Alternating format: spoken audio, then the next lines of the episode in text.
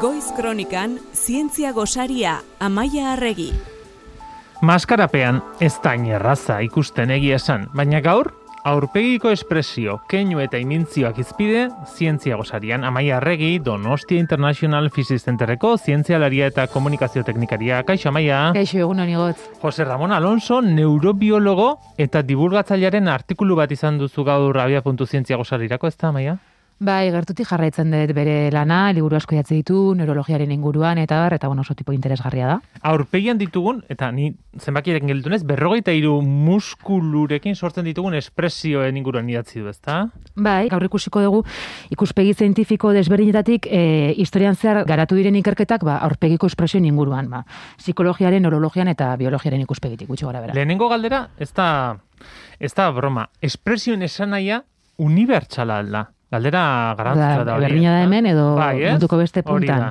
Ikus dezagun zesetu duten zientzelari desberdinek. Alde batetik, Charles Darwine biologoak e, mila sortzen da irurogeita mabian idatzi zuen e, emozioen espresioa gizak eta animalietan, eta Darwinek teorizatu zuen jarraipen bat dagoela animaliek eta gizakek erakutsitako emozioen artean gizakientzat emozioak ezagarri unibertsalak direla eta emozioekin batera agertzen dira aurpegirak aztertu zituen. Osea, beraz, bere bere ustez eh, Bai. jatorri evolutiboa du eta bai unibertsala da. Hala ere, 20. mendean hortik ba 70 bat urtera, e, 50eko hamarkadan Darwinen hipotesiak ez zuten jarraitzaile gehiegi. E, sineskera nagusia batipat antropologen artean zan e, aurpegiko espresioak portaera kulturalak zirela. E, hau da, ikasketa prozesu baten ondorioa zirela. Bai, beraz ezberdinak izan zitezkela kulturen arabera. Hori da, hori da. Orduan, e, Paul Ekman psikologo eta ikerlariak egindako esperimentuak erakutsi zuen e, kasu honetan Darwinek e, arrazoia zeukan. Ara, Bai, esperimentu bat egin zuen eta bertan emozio desberdinak adierazten zituzten aurpegiak erakusten zizkiten herrialde desberdinetako pertsonei.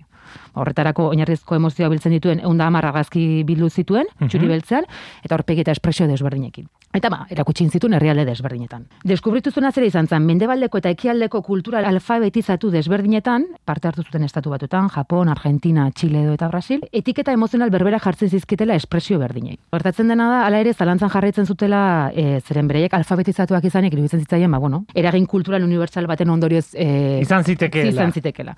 Orduan, bueno, zalantza argitzeko, ba, Papua Ginea berriko lurralde garaietan isolatuta bizi zen fore izeneko tribu analfabeto batera jo zuen. Aha.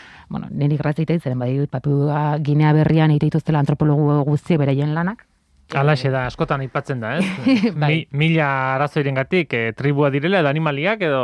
Bai, bai. Bueno, bai, Ekmanek demostratu zuen e, fore tribuko kideek espresioak modu berean juzgatzen zituztela eta baita beraien espresioak mendebaldeko jendearen ere ulergarriak zirela. Ba, horrela ja, Oia, ondorioztatu zuten, kultura hizkuntza eta alfabetizazio maila inportagabe, orokortu daitezken espresioak daudela e, orokorrean.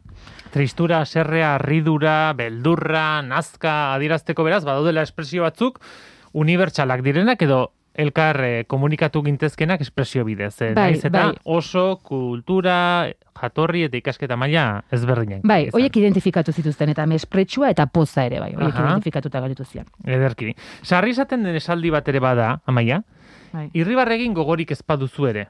Eta horrek ere bat duela zerbait zientifikotik ala irakurri dizugu. Bai, eske Ekmanek egin zituen e, ikerketen artean aurkikuntza harrigarrienetako bat da pertsona batek bere aurpegian espresio jakin bat jartzen badu, espresio horri dagokion emozioa benetan sentituko duela. Osea, beste modu batean esan da, emozioek barrutik kanpora naiz kanpotik barrura funtzionatzen dute. Nik emozio Alegia. bat baldin badukat espresio bat adieraziko dut, baina espresio bat adierazten baldin badut ere, em, igual emozio berberarekin konektatzeko aukera izan dezaket. Beraz, nik orain, irribarre egingo banu, postasun zea bat eh, sortuko nukela, naiz eta eh, nik barrutik hasieran ez hori sentitu. Bai, bueno, e, galdera horren erantzunez e, alde batetik positiboa izan daiteke edo negatiboa, zeren. Horri erantzuteko dukeneren irrifarra zer den e, ikusi behar dugu. Dukeneren irrifarra. Ea, Bai. ba, zer da ba?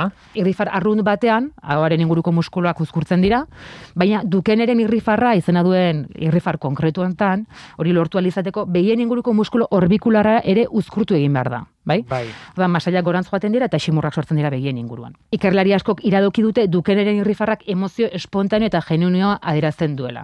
Gehiengoak ezin duelako inguruko muskulu hori borondatez mugitu. Eta YouTubeen egon ez begiratzen pixka bat, eta bueno, ba, jendea esplikatzen duena dukeneren irrifarra nola egin, eta abar. Borondatezko irrifarra e, kortez motorearekin dago konektatua zuzenean, baina dukeneren irrifarra sistema limbikoarekin konektatzen da. Ordan ikusten dugu hor e, neurologiko kiere jatorri desberdina dutela. Ordan e, irrifar normal bat zu ba, sistema motoriarekin hanka bat edo beso bat mugitzen duzu bezala, aurpegiko muskula mugitzen dituzu, baina dukene irrifarra emoziotik sortzen den irrifar bata.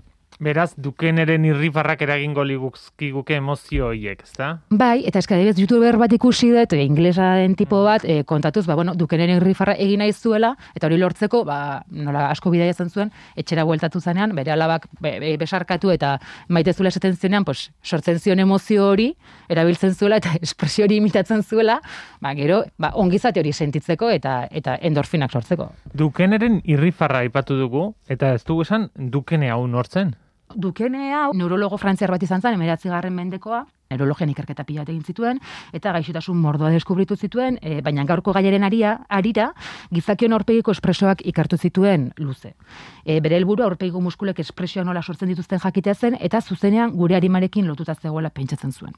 Orduan, bueno, ikusten duzu hemen jarri dizuan argazki hontan, ba, egiten zuena zen muskuloen uzkurdurak eragin, e, deskarga elektrikoak ematen aurpegitan bere pazienteei, eta horrela ba espresio distorsionatuak eta askotan groteskoak erregistratzen zituen. Sare sozialetan jarriko dugu argazki hau e, ikus dezazuen e, zuek ere entzuleok nahi baduzue e, gero igotzen dugunean e, grabazio hau eta eta beraz e, zuek aztertu dukenek egiten e, zuena. Jarra egitu amaia. Kurioso irutzen zeren gaina, claro, e, argazkiak, e, bueno, e, asmatu berriak ziren, orduan eruditzen zitzaian gara hartan argazkia zela errealitatea registratzeko modurik e, objektiboena, eta orduan erabaki zuten ikerketa hontan ba, dena erregistro argazkien bitartez egitea, fotografikoa eta edukitza, eta orduan e, gelitu zaigun e, dokumentazioa ba, oso potentea da.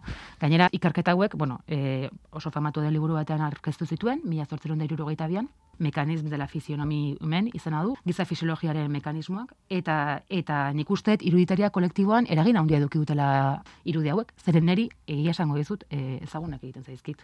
Azken kontu bat, nola interpretatu jendearen espresioak? E, ba omen da populazioaren zati bat bereziki ona horretan, ezta? Bai, es, bueno, esan dizuan, Ekman e, psikologo honek, ba, bueno, azkenean, ba, espresioekin hainbeste ikerketa egin ondoren, e, badirudi gaina poliziaren zatere, ba, e, esaten duten gaizkilak edo identifikatzeko ba, lan egin zuela, pues, bueno, berak identifikatu zuen e, biztanleriaren euneko batak e, mikroespresioak deitzen zaienak e, identifikatzeko gaitasuna handia dutela, ez? Mikroespresioak izango litzateke, ba, e, segundu baten laurden batean, ba... E... Bai, gezura esaten duzunean ez dakize mugitu, mugitzen duzu eta olakoak, ezta? Bai, bai. Osa, esaten da, bueno, e, nolabait izkutatu nahi ditugu bai, e, emozioak bai. e, azaleratzen direla, baina oso modu sutilean. Mhm. Eta, bueno, ba, e, jende batek, e, bizaleriareneko batak, e, badaukala gaitasuna e, espresioiek identifikatzeko. Eta iruditzen zait, hori e, abantalla handia izan daitekela jendearen, e, jendeak zer, benetan zer esan nahi duen, edo zer setitzen duen peñatzeko. Bai. Hala ere, badirudi entrenatu daiteke gaitasun bat dela. Ba, badakizue, hasi ne baduzue horretan, eh? orain gabon garai honetan elkarri espresioak eh, begiratzen. Nik ba, duken irrifarra praktikatuko dut, bai, gainen bai. daukagun laino beltzonekin iruditzen zait, zio zerrein barko degula. Egia esan ez terresa, eh? argazkietan da esaterako ondo lego, que duken irrifarra bai, praktikatuko bai. bagenu, ba, ez hain bai. behartuak ateratzeko. Ba, maia, ondo ondo pasa egu berriak eta egin irribarre, alba duzuzuk ere. Hori da, hori da, mila eskerri gotz.